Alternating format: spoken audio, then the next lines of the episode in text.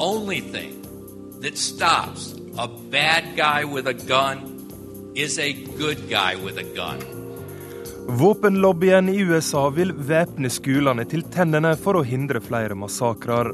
Våpenforkjemperne i USA nekter å komme kritikerne i møte. I Egypt er det andre runde i folkeavstemminga om ny grunnlov. Ei omstridt grunnlov som splitter landet. Den italienske statsministeren Mario Monti har levert inn avskjedssøknaden. Nå frykter Europa at omstridte Silvio Berlusconi vil komme tilbake. Dette er Verden på lørdag. I studio Roger Severin Bruland. Skolemassakren i Newtown sist fredag har ført til uvanlig mye kritikk mot våpenforkjemperne i USA. I går kveld slo våpenlobbyen tilbake. Den mener at løsninga er mer våpen på amerikanske skoler.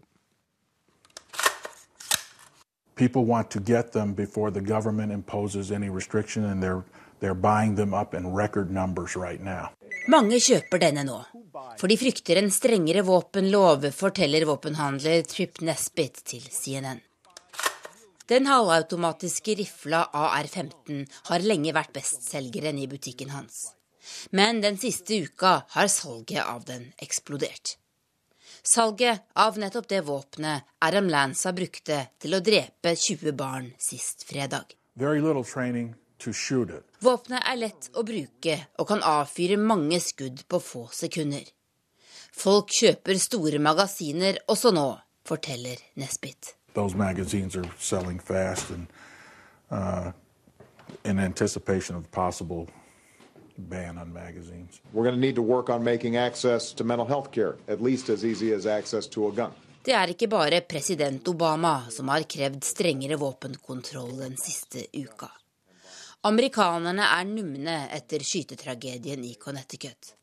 Mens det daglig har vært begravelser for de 20 småbarna og de voksne som ble drept, har krav om handling dominert sosiale medier og vanlige medier. Senator Joe Manchin fra West Virginia er medlem av NRA og har alltid støttet våpenrettigheter. Men nå har han skiftet mening. You know, America or anywhere in the world that children would be slaughtered? You know, that, it, it's changed me. Barn ble slaktet ned, og det har endret meg. Nå må vi snakke om det ingen våger å snakke om i dette landet. I don't know of anybody that goes hunting with an assault rifle. I don't know people that need 10, 20, 30 round clips. Jeg kjenner ingen som går på jakt med et automatvåpen, sier han. We as a society leave them every day utterly defenseless. Men våpenlobbyen står på sitt. Da lederen for NRA, Wayne de la Pierre, holdt pressekonferanse i går kveld, hadde noen ventet at han ville komme våpenmotstanderne i møte. At han ville be om dialog med president Obama og andre som krever strengere lover. Men de la Pierre gikk den andre veien. The only thing that stops a bad guy with a gun NRA vil ha bevæpnede vakter på alle amerikanske skoler. Det sjokkerer republikaneren Michael Steele, som tidligere ledet sentralkomiteen i partiet. I just found it very haunting and very disturbing that uh, we are we are a country now that are talking about arming our teachers and our principals in classrooms. Uh, what does that say about us? I, Hva sier det om oss at vi vil ha våpen i skolen, sier han.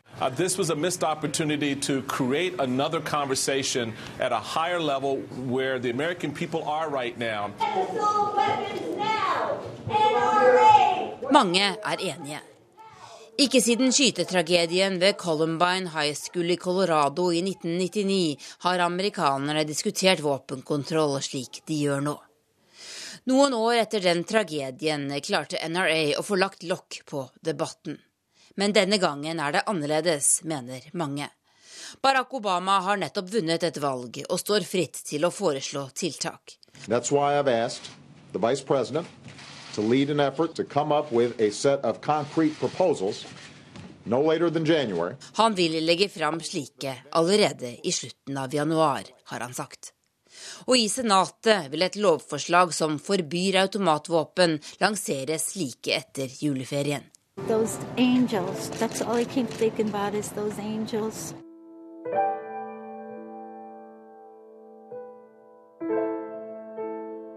For barnas skyld, sier amerikanske politikere, mens ansiktene til de 26- og 20-åringene som er blitt begravet denne uka, ruller over TV-skjermene på nytt og på nytt.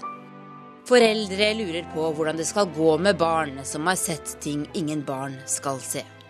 Bevæpnede vakter på skolene er neppe et svar på den bekymringen. Vold og våpen vil utvilsomt være diskusjonstema i mange hjem når amerikanske familier samles i jula.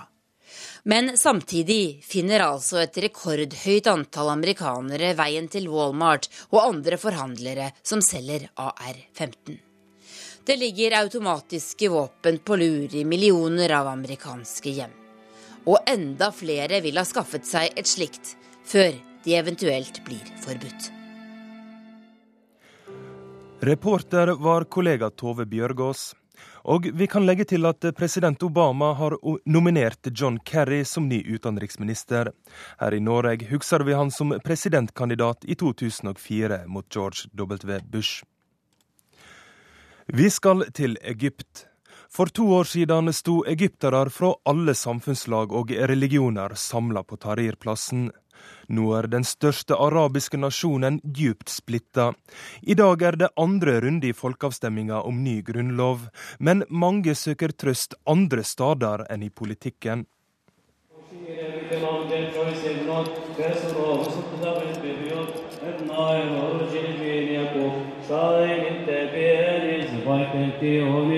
Bønnetid og pause fra kaoset utenfor kirken. Kopterne ber ikke bare for de kristne denne kvelden.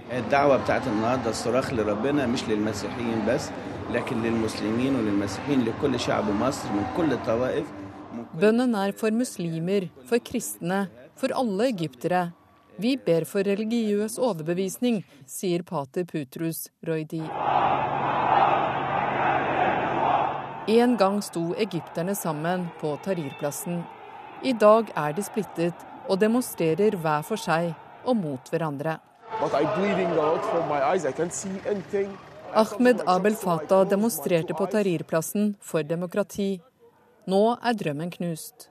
Of course, when we speak about president take all of power on, on country, he, he, he will be the judge, he will be the president, he will be the, all of things. Presidenten vil være eneveldende, være dommer, president. Han er ingen demokrat, sier han. Sinnet over president Morsi og hans forsøk på å gi seg selv makt over domstolene, og frykten for en islamistisk grunnlov har fått flere demonstranter til å gripe til andre våpen enn protester. 200.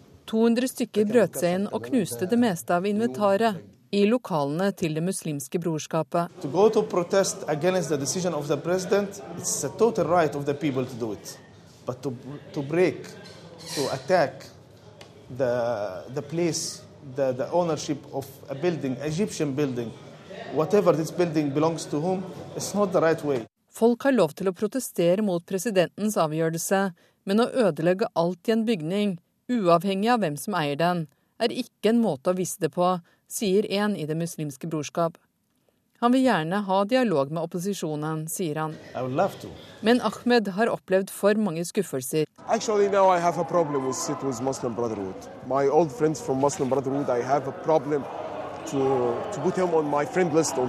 Jeg har problemer med å godta Det muslimske brorskap. Venner som er en del av dem, er ikke blant mine venner på Facebook, sier han. I den koptiske kirken håper de at flere vil finne løsningen i den sanne vei. And everyone is here to, to say that our hope is in God, not in the government, not, not in anything that happens, not in circumstances, but in God. Vårt håp er i Gud, ikke hvem som tilfeldigvis er valgt til president, sier en av dem. Det var kollega Åse Marit Befring som hadde laga denne reportasjen. Og vi har med oss Midtøsten-korrespondent Sigurd Falkenberg Mikkelsen fra Kairo. Nå har stemmelokalet åpna. Hvordan er oppmøtet? Det jeg har hørt fra Giza, som er den delen av Kairo som ligger på den eh, vestre siden eh, av Nilen, er at det er eh, lange køer. Eh, det er altså mange kvinner som stemmer. Jeg har også hørt at det er en del islamister som eh, forsøker å jobbe for et ja også tett opp til stemmelokalene. Så får jeg også rapporter fra de andre stedene i Egypt hvor det stemmes, eh, i Menofia i Nildelta, i Øvre Egypt, at det er store problemer med å åpne stemmelokalene. At mange av de har måttet åpne mye senere enn de hadde tenkt, fordi det er mangel på dommere. Så det at vi ser lange køer i dag, betyr ikke at det blir et høyt oppmøte. Vi så det samme sist eh, lørdag, og, eh, hvor da den andre halvparten av Egypt stemte. Da var det i overkant av 30% Men er det mer oppmøte enn venta? Det er et lavere oppmøte enn det har vært på de tidligere valgrundene. Eh, men folk utviser jo en stor tålmodighet eh, eh, ved å vente veldig lenge i ganske kaotiske omstendigheter. Men så er altså folk slitne av å stemme her. De har stemt veldig mange ganger de siste to årene. Og så har prosessen som ledet opp til dette, ikke vært særlig god. Sånn at, og den, særlig den dårlige organiseringen og det at det bare stemmes én dag, lange køer, få dommere Alt dette her minner jo om, eller i hvert fall gjør at det er nærliggende for opposisjonen å tenke at dette er en villet politikk fra brorskapets side, som jo er flinke til å mobilisere egne kjernevelgere. I går eh, var det bråk i Alexandria. Hva er det med denne grunnlova som får egypterne til å gå i tottene på hverandre? Nei, Det er to ting. Det ene er uh, selve prosessen og hele det politiske eh, spillet eh, og kampen som foregår her. Og der er, ser folk nå i større og større grad at brorskapet bryr seg om seg selv. De er interessert i å ta makt, først og fremst. Eh, og at de dernest ikke har vært særlig kompetente til å styre. Så ble også en del mennesker som ble svært redde da brorskapets folk grep til vold utenfor presidentpalasset. Det er den ene biten. Eh, den andre biten er selve Grunnloven, eh, som de fleste som i hvert fall ikke vil ha Grunnloven, oppfatter som et dokument som vil gjøre det mulig for de styrende partiene å dra Egypt i mer islamistisk retning. Vi ser de kristne er meget urolige, og også menneskerettighetsorganisasjoner har kritisert denne nye grunnlovsteksten kraftig. Men det mektige militæret i Egypt blir jo regna som sekulært. Hva rolle spiller de i denne prosessen? Ja, sånn det ser ut uh, nå, så uh, er det en uh, stilltiende allianse mellom det muslimske brorskapet og militæret. vi så senest i går at Mohammed Morsi utnevnte medlemmer til det, øvre, det øvre kammer her i Egypt, Shura-rådet. Og fire av de var folk som kom fra det, den tidligere militærjuntaen i Skaff. Og militæret har holdt seg passive under disse demonstrasjonene. Eh, og det kan virke som om de satser på at eh, brorskapet vil vinne valg framover. At det kan lønne seg å være i en politisk allianse med dem, eh, så lenge de får lov til å fortsette med sitt uten for mye innblanding. Og vi ser jo i Grunnloven at der har hæren blitt hørt. Hæren kommer til å fortsatt styre seg selv framover. Takk til deg, Sigurd Falkenberg Mikkelsen fra Kairo.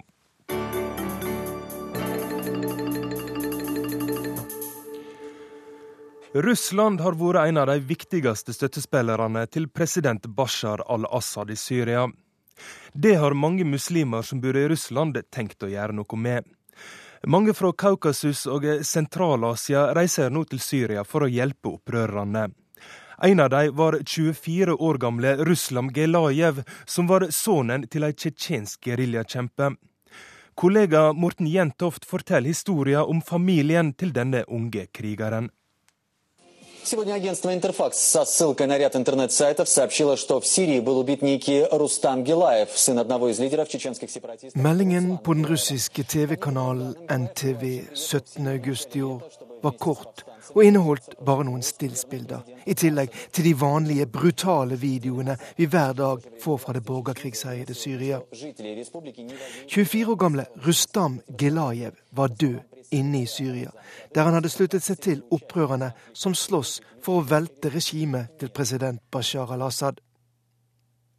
For mange russere, også for meg som i en del år har fulgt konflikten i opprørsrepublikken Tsjetsjenia, var likevel meldingen oppsiktsvekkende nok. Rustam var sønn til Hamsat, eller Ruslan Gelaje, en av de mest legendariske tsjetsjenske opprørslederne fra den tsjetsjenske separatistbevegelsen som startet etter Sovjetunionens oppløsning på 1990-tallet. Hadde nå konflikten i Tsjetsjenia fått en link til borgerkrigen i Syria. Hamsat Gelayev var en kriger, og det var slik jeg opplevde ham i byen Noviatagi i Tsjetsjenia i august 1996 etter at han og de tsjetsjenske opprørerne gjennom en dristig operasjon hadde forbløffet en hel verden og tilføyd de russiske styrkene et ydmykende nederlag ved å tvinge dem ut fra hovedstaden Grosny i den lille republikken sør i Russland. Jeg snakket ikke med den kraftige mannen med det rødlige skjegget selv den gangen, men hørte ryktene om hans mot, et mot som gjorde ham til en av de mektigste menn. I den korte tiden tsjetsjenerne i praksis var selvstendige, fram til kampene begynte på nytt høsten 1999.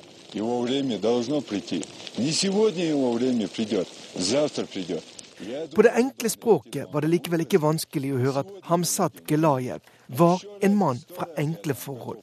Han hadde bare sju års folkeskole og hadde to dommer på seg for mindre forbrytelser. Da han i 1991 vendte tilbake til Tsjetsjenia etter mange år som arbeider på et statsbruk i Sibir. Der hadde han også truffet russiske Larissa, som han fikk sønnen Rustam med i 1988. Larisa hadde lite lyst til å følge med sin mann tilbake til et urolig Tsjetsjenia på begynnelsen av 1990-tallet, og ble boende med sin sønn i nærheten av byen Omsk. Men det å ha et barn med en tsjetsjener i Russland på 1990-tallet var ikke lett. Pga. konflikten i Kaukasus ble alle forbindelser ned dit uglesett, bl.a. i skolen.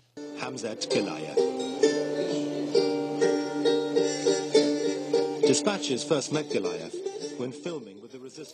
Hamzat Gelayev hadde fått en nesten legendarisk status, ikke minst da han i 2000 klarte å komme seg unna da hans styrker ble omringet i hans hjemby Komsomolskaja.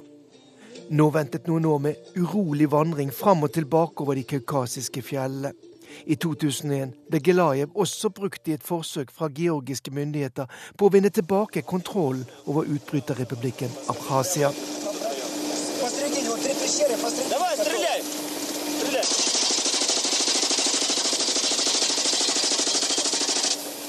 Men like før jul 2003 var det slutt på hellet for Hamsan Gelaye.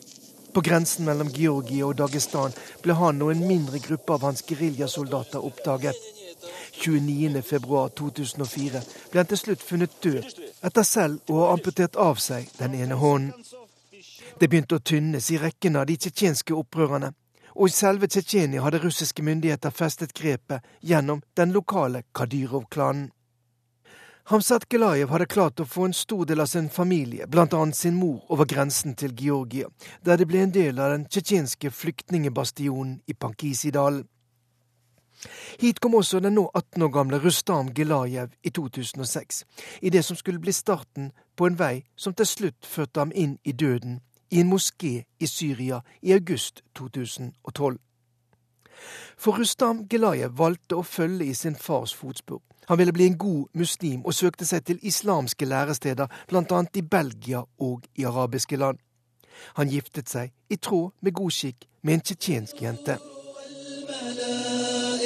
الحور في انتظارك والنور والملائك فاسعد بخير دار Meldingen om at Rustam Gelajev var død etter et bombeangrep i Syria, fikk for mange øynene opp for det kompliserte trekantforholdet som er mellom Russland og Syria, og russiske muslimer. For ikke minst mellom de sunnimuslimske tsjetsjenerne er det nære bånd til sunniene som slåss mot president Bashar al-Assads shia-alawit-dominerte regime i Syria.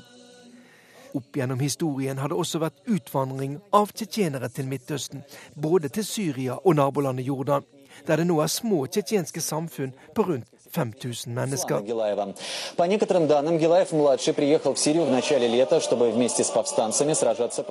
Meldingen om at en tsjetsjener var død inne i Syria, satte derfor i gang sterke følelser. Ikke minst fordi den ble fulgt opp med ubekreftede opplysninger om at det var store grupper unge tsjetsjenere som hadde tatt seg inn i Syria for å slåss på opprørernes side. På nettsiden Tsjetsjensk diaspora i Norge hylles nå Rustam Gilajev som et forbilde for andre, samtidig som faren Hamsat omtales som en sann frihetskjemper. Dermed har altså konflikten i Syria også fått en tsjetsjensk link. Denne uken meldte FN at de har funnet bevis for at frivillige fra 29 land nå er på plass i Syria for å slåss på de i hovedsak sunnimuslimske opprørernes side. Det som en gang ble sett på som et sentrum for en av verdens viktigste sivilisasjoner, kan nok komme til å måtte se mye blod og ondskap før det hele en gang er over. Denne veka er ni helsearbeidere drept i Pakistan fordi de vaksinerte barn mot polio. Et amerikansk forsøk på å sterilisere muslimer, mener Taliban, som har tatt på seg skylda. Gro Holm kommenterer. Meningen var at 250 000 frivillige skulle vaksinere 18,3 millioner barn mot polio i løpet av denne uka. Slik gikk det ikke, for pakistansk Taliban slo til og drepte ni helsearbeidere i storbyen Karachi i sør og i Kyberpakton Kwa-provinsen nordøst i Pakistan. Regjeringen og Verdens helseorganisasjon valgte å stanse vaksineringen inntil videre i disse områdene. Men torsdag dro 6000 helsearbeidere, eskortert av 3000 politimenn, ut i storbyen Lahore for å fortsette dråpevaksineringen som redder liv. Dette er en kamp om hvem som skal bestemme hva som er best for landets oppvoksende generasjon, regjeringen eller Taliban. Det er også en kamp mot uvitenhet, fordommer og konspirasjonsteorier som rammer Pakistans forhold til USA og andre vestlige land. For allerede i sommer la lokale makthavere i stammeområdene langs grensa til Afghanistan ned forbud.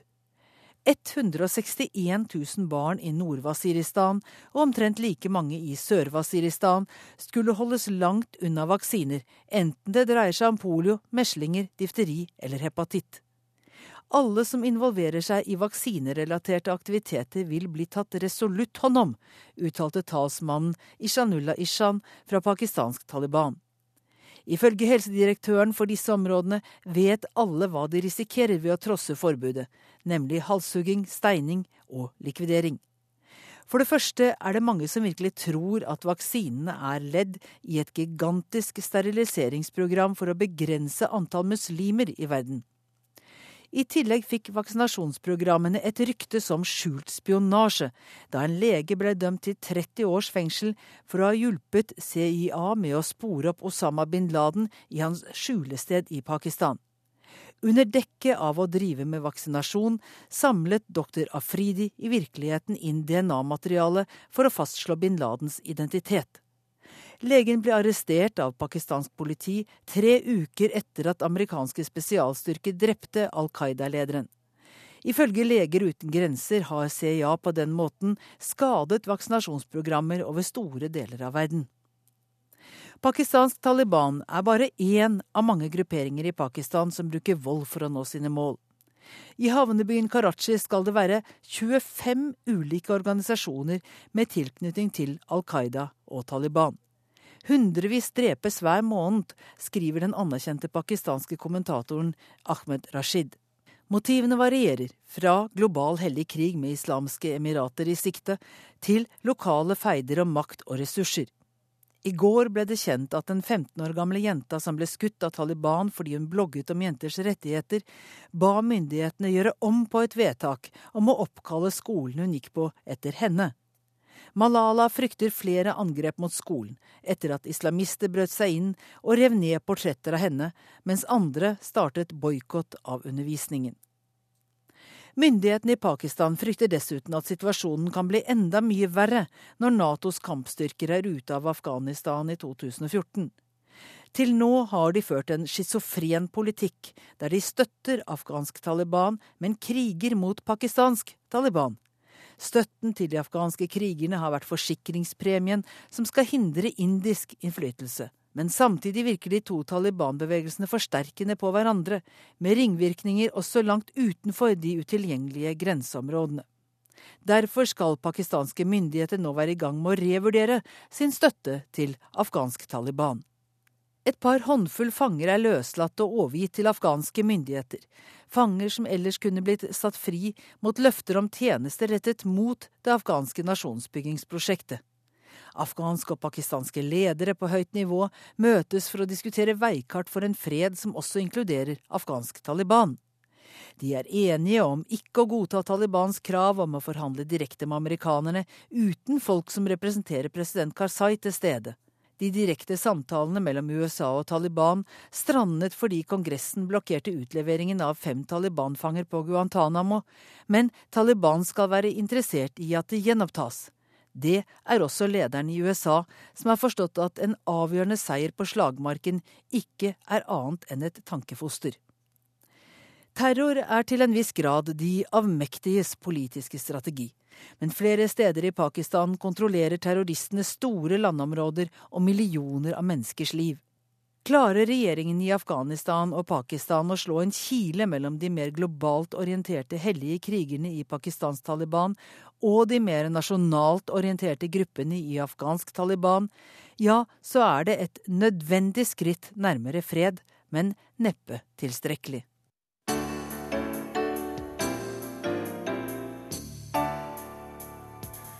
Klokka er snart halv tolv, men været på lørdag er fremdeles her. Sjøl om været egentlig skulle gå under i går. Det mente flere som har tolka mayakalenderen. Men mayafolket føler seg misbrukte av ufo-jegere og dommedagsprofeter. For været på lørdag kan avsløre at ryktet om Ragnarok var en smule overdrivet. December 21st, 2012. Daybreak doesn't come. All remains dark. Et mørkt budskap og dramatisk musikk. Has come to an end. Internett flyter over av videoer med skrekkbudskapet om verdens undergang som skulle ha inntruffet i går.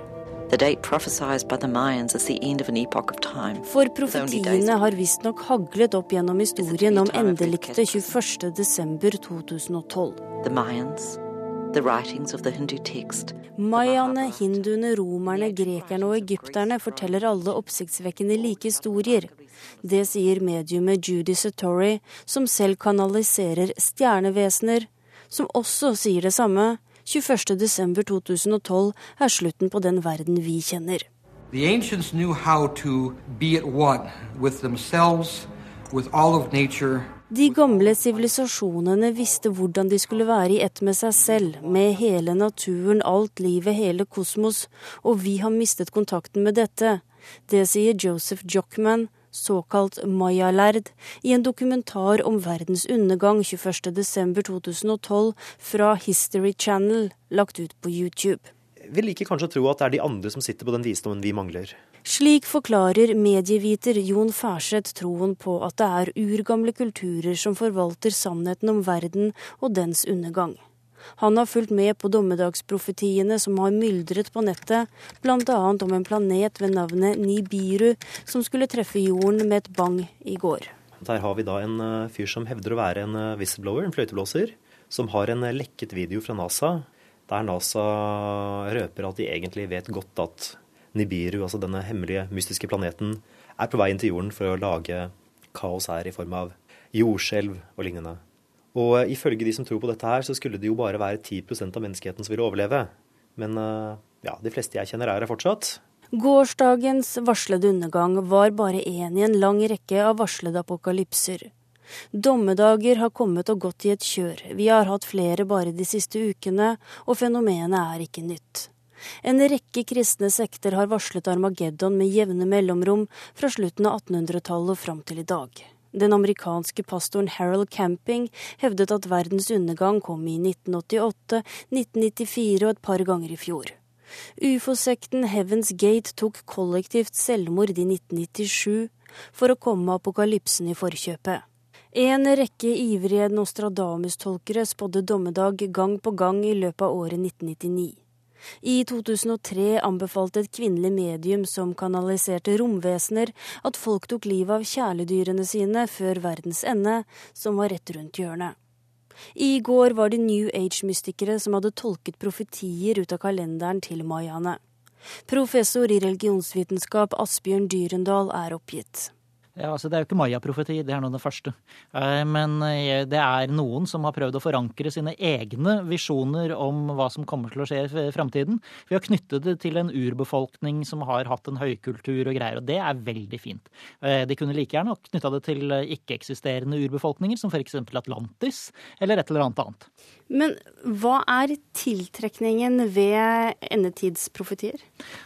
Ja, I de miljøene hvor de blir holdt for sannsynlige og viktige, så er det jo gjerne sånn at det er ikke alle som skal gå under, og ikke alt, men det er det som er galt med den verden sånn som den er nå. Da blir det attraktivt. I forkant av 21.12 har arkeologiske steder med mayapyramider i Guatemala, Mexico og Peru blitt nedrent av dommedagsturister. Ikke minst amerikanere i lotusstilling med forhåpninger om en lykkelig omveltning. Men mange mayaer irriterer seg over både New Age-interessen for kulturen deres og deres egne lands feiring av kalenderen som tegn på omveltning til noe nytt. I Guatemala bor tidligere nobelprisvinner Rigoberta Menchu. Hun stammer selv fra mayafolket og er frustrert. Nosotros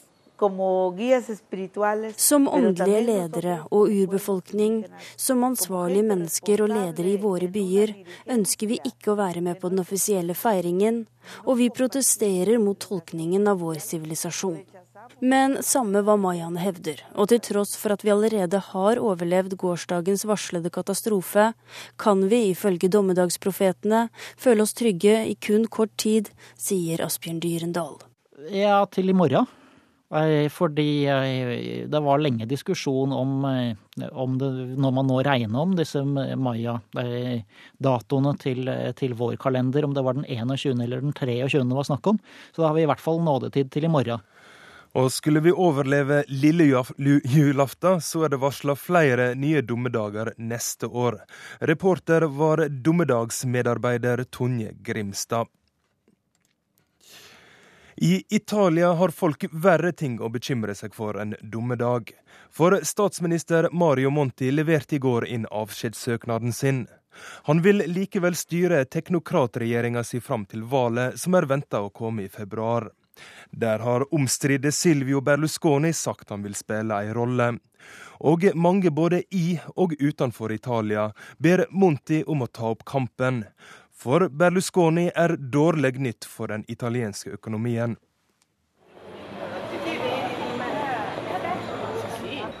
Det blir jul i Italia i år også. Men julehandelen her i sentrum av Roma er den mest trøstesløse handelsstanden har opplevd på svært lenge. I det kriserammede Italia er det ikke tiden for å løpe løpsk med kredittkortet, fastslår forbrukerforskeren Sara Paraluppi. I fjor brukte italienske husstander i gjennomsnitt rundt 300 euro, drøyt 2000 kroner, på julegaver. I år regner vi med en nedgang på hele 9% Det er det største fallet i privat forbruk på flere tiår. Og den store trenden nå er å gi ting man har fått fra andre, men ikke bruker. Det kan være pene ting, men det er jo ikke akkurat noe man snakker så høyt om, sier forskeren.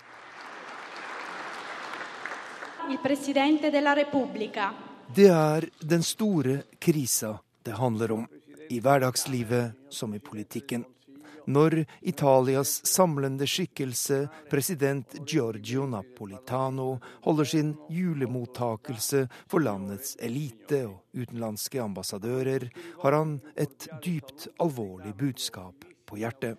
La recessione si prolunga e pesa.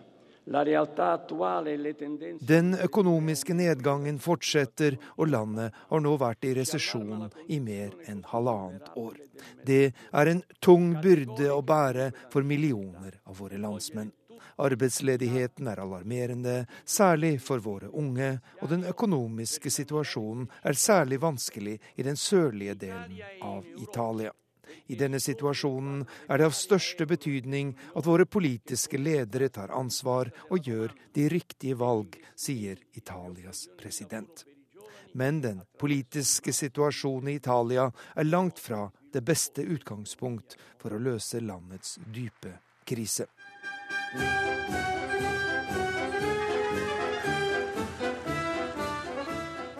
Den populære komikeren og skuespilleren Roberto Benigni har fått en gavepakke i fanget. Alle humoristers drømmepolitiker er tilbake i sentrum for den offentlige debatten. Devi ringraziare una persona che conta molto più di me. Silvio, grazie. Io Jeg vil gjerne takke en person som er mye viktigere enn meg. Takk, Silvio, sier den populære komikeren. Mange italienere visste ikke om de skulle le eller gråte da nyheten kom om at den ytterst omstridte Silvio Berlusconi har til hensikt å kaste seg inn i valgkampen foran parlamentsvalget om to måneder. Komikeren sier det slik vi fikk to veldig dårlige nyheter i desember. Den ene var at verden skulle gå under. Det kan vi for så vidt leve med, men den andre, at Berlusconi kommer tilbake, er mye verre. Må Gud være med oss. Ora Germania si convince Hvis tyskerne hadde vært interessert i å løse eurokrisa, hadde de gitt den europeiske sentralbanken de fullmakter den trenger, og dermed hadde krisa vært løst, sier den tidligere statsministeren Silvio Berlusconi. Han hevder at Italias regjering er altfor defensiv i forhold til det mektige Tyskland, og han har altså lansert seg selv som landets redningsmann og kommende regjeringssjef. Men mangemilliardæren og playboyen Berlusconi synes å ha mistet mye av sin magi. Og ifølge meningsmålingene er nå et klart flertall av italienerne imot hans kandidatur. Ormai ha fatto il suo tempo. Berlusconi har gått ut på dato. Det var dessuten han som ledet Italia inn i den krisa som vi nå betaler en så høy pris for. Jeg tror ikke det italienske folk vil stemme på ham denne gangen, sier en velger på gata i Roma.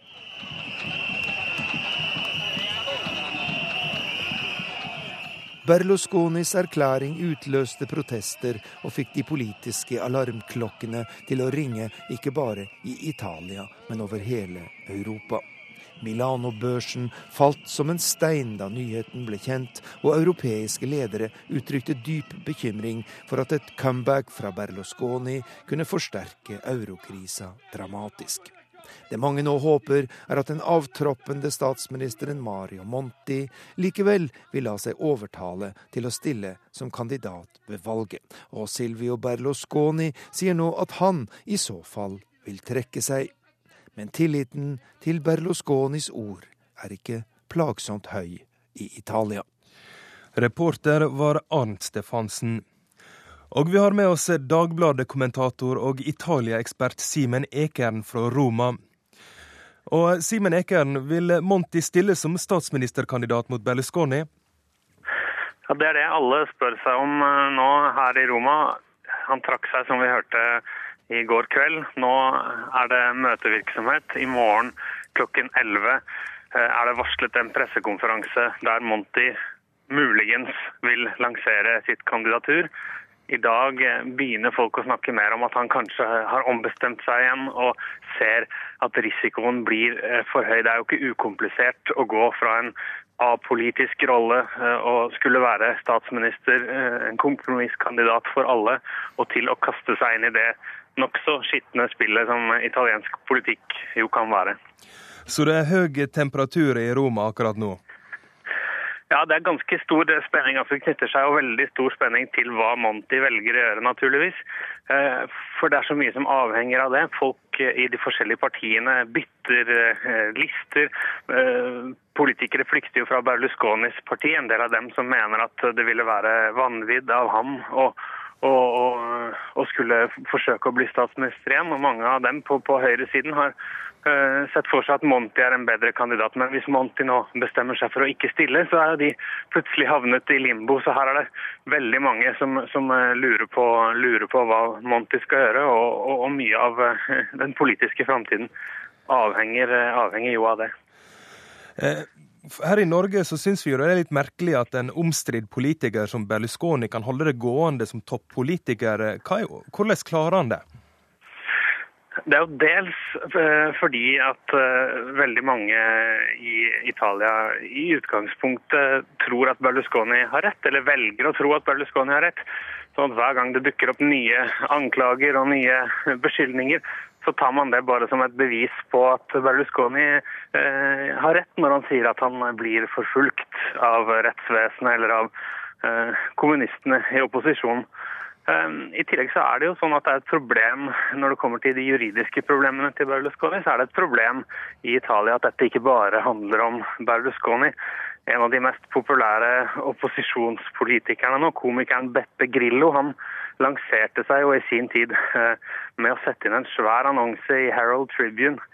En liste over alle italienske parlamentarikere som er dømt for, for noe, men likevel får sitte i parlamentet. Eh, så dette er en, en hodepine for, for, italiensk politikk, og det gjør også at Berlusconi. Kan si at han ikke er så mye verre eller bedre enn de andre. Og så har han jo en voldsom eh, energi, da, som vi har sett. Så når han nå har bestemt seg for å stille, så, så er det klart at mange blir Eh, entusiastiske. Eh, enda flere blir eh, bekymra. For det stemmer som vi hørte at oppslutningen er jo ikke hva den en gang var, og det tror jeg han vet også. Men han vil ha en rolle. Han vil spille en rolle. Være en, en person som kan bestemme hvem som skal uh, ha makt. Det er avgjørende for ham av både økonomiske, juridiske og kanskje personlige årsaker. Eh, helt avslutningsvis, hva syns italienerne om at vi i Nord-Europa ler litt av alle disse politiske intrigene som foregår i Italia? Eh, nei, jeg tror jo eh, det var en av, det er jo den, noe av den viktige arven fra Mario Monti er jo nettopp å komme inn i politikken og vise at Italia er noe annet enn en klovneri, en Berlusconi-aktig Eh, oppførsel som å ligge med mindreårige jenter i sykepleierkostyme. Mario Monti har uansett hvordan man vurderer eh, det han ellers har gjort, så har han eh, på en måte gjort mange italienere stolte av å være italienere igjen. Bli tatt seriøst i utlandet. Bli tatt på alvor som folk som jobber hardt, som, som, som gjør det de kan, og som, som er opptatt av å framstå som noe annet enn det bildet Silvio Berlusconi eh, med så stort hell har, har, har skapt av, av Italia i, eh, i, utlandet. Tusen takk til deg, Simen Ekern fra Roma.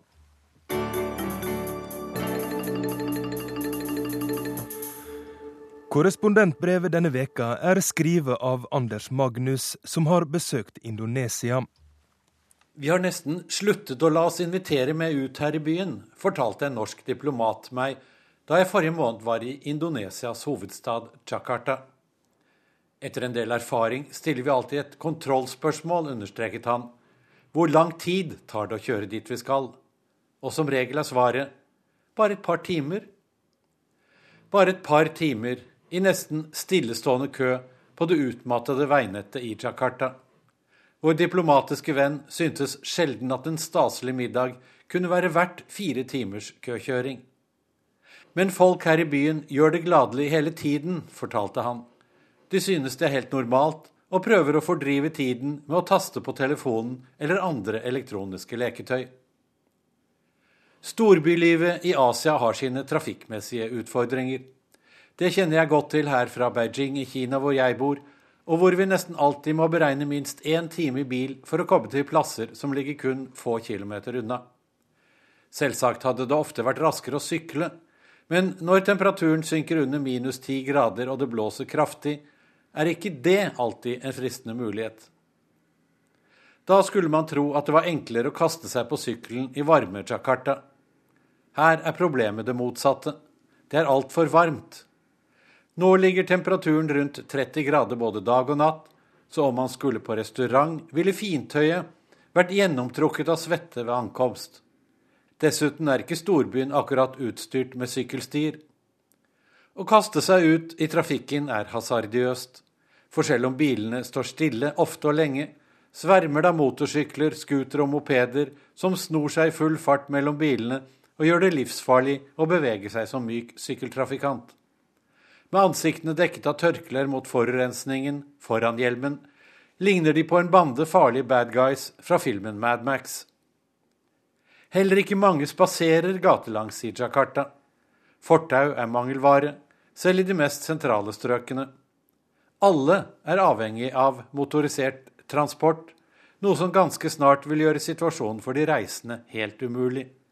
Hver eneste dag fylles byen opp med 400 nye biler og 800 nye motorsykler, i tillegg til de 6 millioner biler og 9 millioner motorsykler som er der allerede. Trafikkeksperter har beregnet at om to år vil det være like mange motorkjøretøyer i Jakarta som det finnes kvadratmeter med asfalt. Tenk deg hvordan det da kan bli seende ut i byen hvis alle er ute i trafikken på samme tid. Som en permanent parkeringsplass hvor ingen kommer verken fram eller tilbake. Alt nå føles denne tilstanden svært nær, når man sitter utålmodig og stamper i køer som tar en uendelighet av tid for å snegle seg framover. Fler og fler, og ikke bare utlendinger, vil nok følge eksempelet til vår diplomatvenn. Hold deg hjemme og unngå trafikken. Så restaurantnæringen i Jakarta kan gå en traurig framtid i møte. Skal du reise til Indonesia, er mitt råd enkelt og greit unngå hovedstaden. For det finnes jo så mye annet flott i dette kjemperiket. Trafikkorken Jakarta utgjør bare en bitte liten del av landet. Ikke er byen særlig vakker heller. Ute på alle de tropiske øyene derimot er det spennende å være. Indonesia består av 17 508 øyer, blant dem Bali, som de fleste nok har hørt om. Deler av landet ligger på noen av de største øyene i verden. Papua som er nest størst, etter Grønland, og Borneo nummer tre. Jeg har vært på Borneo, hvor tilværelsen er milelangt fra Jakartas eksosfylte travelhet. Her går livet langsomt, og veier finnes det få av. Mye av transporten foregår på de mange og lange elvene som skjærer seg gjennom et enormt skoglandskap. Denne tropiske regnskogen er fortsatt en svært viktig del av verdens lunger. Etter Brasil er Indonesia det land i verden som har mest tropisk regnskog, og klodens klimaforkjempere håper de skal klare å bevare denne skogen. Hogges regnskogen ned, eller brennes, vil det føre til store utslipp av CO2 til atmosfæren, og på den måten til ytterligere oppvarming av jordkloden. Norge er kanskje det landet som bryr seg mest om denne regnskogen. Stortingets klimaforlik gikk inn for at Norge skulle sette av 3 milliarder kroner i året til skogbevaring, og en vesentlig del av dette er øremerket et skogprosjekt i samarbeid med Indonesia. Et stort område av den skogen Norge vil bevare, ligger i provinsen Sentral-Kalimantan på Borneo, og jeg dro dit inn for å studere hva Norge vil bruke pengene på. Først kjørte vi en kort tur med bil på en humpete og støvete vei uten asfalt. Men i motsetning til i Jakarta finnes det ikke mange biler og slett ikke mange veier på Borneo. Derfor måtte vi ganske raskt over i et mer effektivt transportmiddel båt. Den vesle farkosten med påhengsmotor brakte oss langs sivkledde elvebredder. Eneste bebyggelse er små klynger med trehus bygget på påler i det grunne vannet. Her bor fiskere som tilbringer hele livet på elva. Etter flere timer innover i elvelandskapet nådde vi omsider fram til verneområdet. Stor var overraskelsen over at det var så lite trær der. Mesteparten av den tidligere storskogen var hogget ned, og tømmeret flyttet ut gjennom kanaler som gikk på kryss og tvers gjennom landskapet. Kun noen få store stammer sto nakne tilbake etter at hogstselskapene hadde tatt sitt. Hva kunne man her bevare for norske penger? Svaret er torv. Under regnskogen er det gjennom hundrevis av år bygget opp store torvlagre, skapt av blader og trestammer som har råtnet under vann, slik at karboninnholdet ble bevart. Disse enorme torvmyrene strekker seg ikke bare vidt utover, men også ned i dybden. Mange steder gikk torvlagene 10-12 meter under bakken, og de inneholder enorme mengder karbon. Men også torven er truet. Som gamle mennesker vet i Norge, kan man fyre med tørket torv. Hvis vannspeilet over de tropiske torvlagene forsvinner, tørker torven her så mye at den rett og slett kan selvantenne under påvirkning av en brennende het sol. Overalt så vi brente trestammer og aske fra tidligere branner. Folkene fra den lokale avdelingen av Verdens villmarksfond som fulgte oss, kunne fortelle at når en slik brann først startet, var det nesten umulig å slukke, siden forbrenningen foregikk under bakken.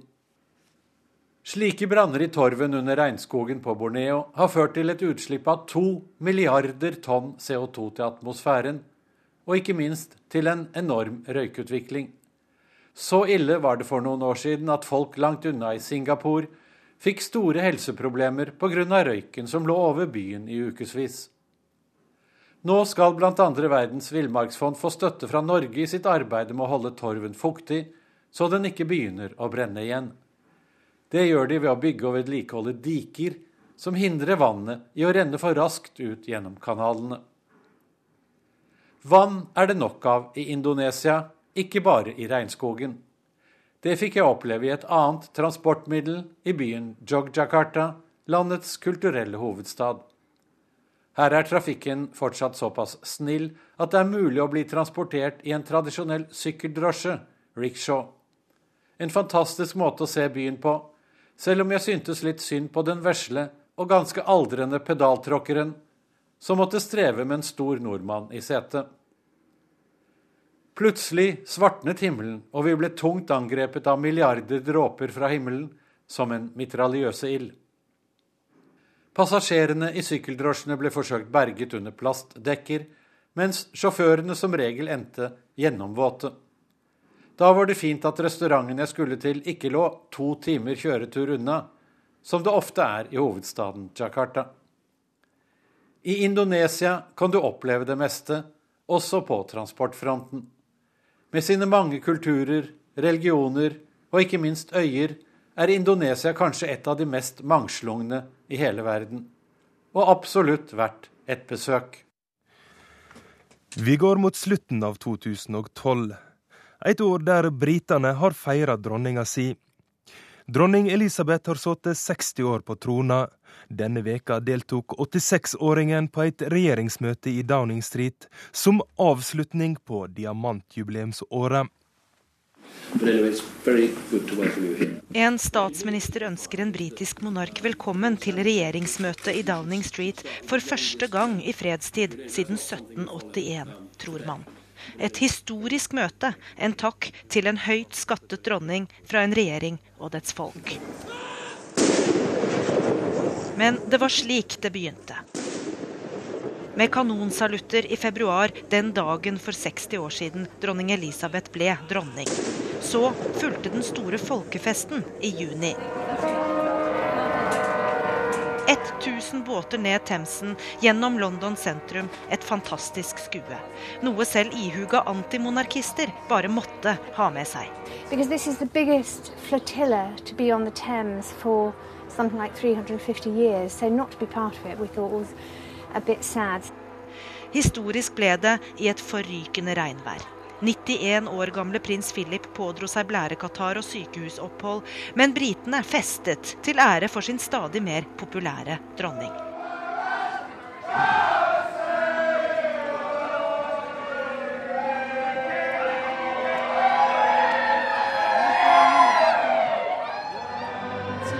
Dronningen står nå omringet av Tom Jones og sjø og Cheryl Coles og en rekke andre toppartister som har vært med på denne konserten i kveld. En spektakulær og stjernespekket konsert avsluttet folkefesten utenfor Buckingham Palace.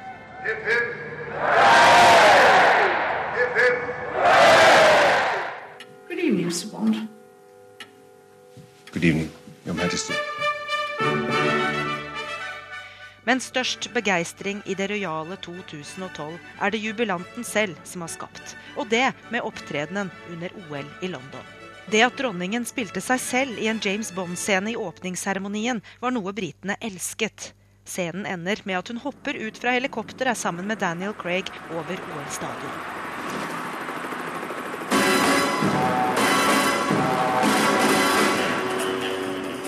It does suggest a royal arrival En fersk måling British Council har fått gjort i elleve land, viser at OL og diamantjubileum bidro til et mer positivt inntrykk av Storbritannia. Utlendingene mener britene har fått større innflytelse på resten av verden, og flere vil reise til Storbritannia på ferie pga. TV-bildene fra idrettsfesten og dronningfesten. Men spørsmålet er hvor lenge et slikt oppsving vil vare. Mange tror det kan bli kortvarig. På tampen av året kom nyheten som gir mange britiske rojalister håp om mer kongelig glede og feiring inn i det nye året.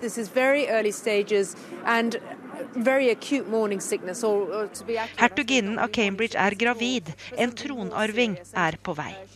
En gledelig nyhet som ble etterfulgt av en tragisk. Da en sykepleier ved sykehuset der den morgenkvalme Kate var innlagt, ble lurt av radiopratere og senere funnet død.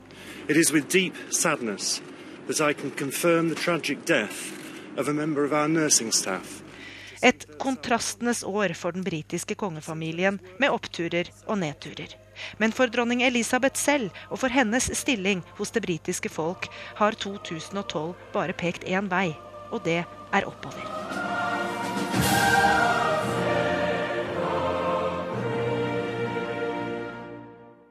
Det var alt vi hadde i verden på lørdag i dag. Svein Åkre, Oda Holm Gulbrandsen og Roger Severin Bruland ønsker alle lyttere god jul.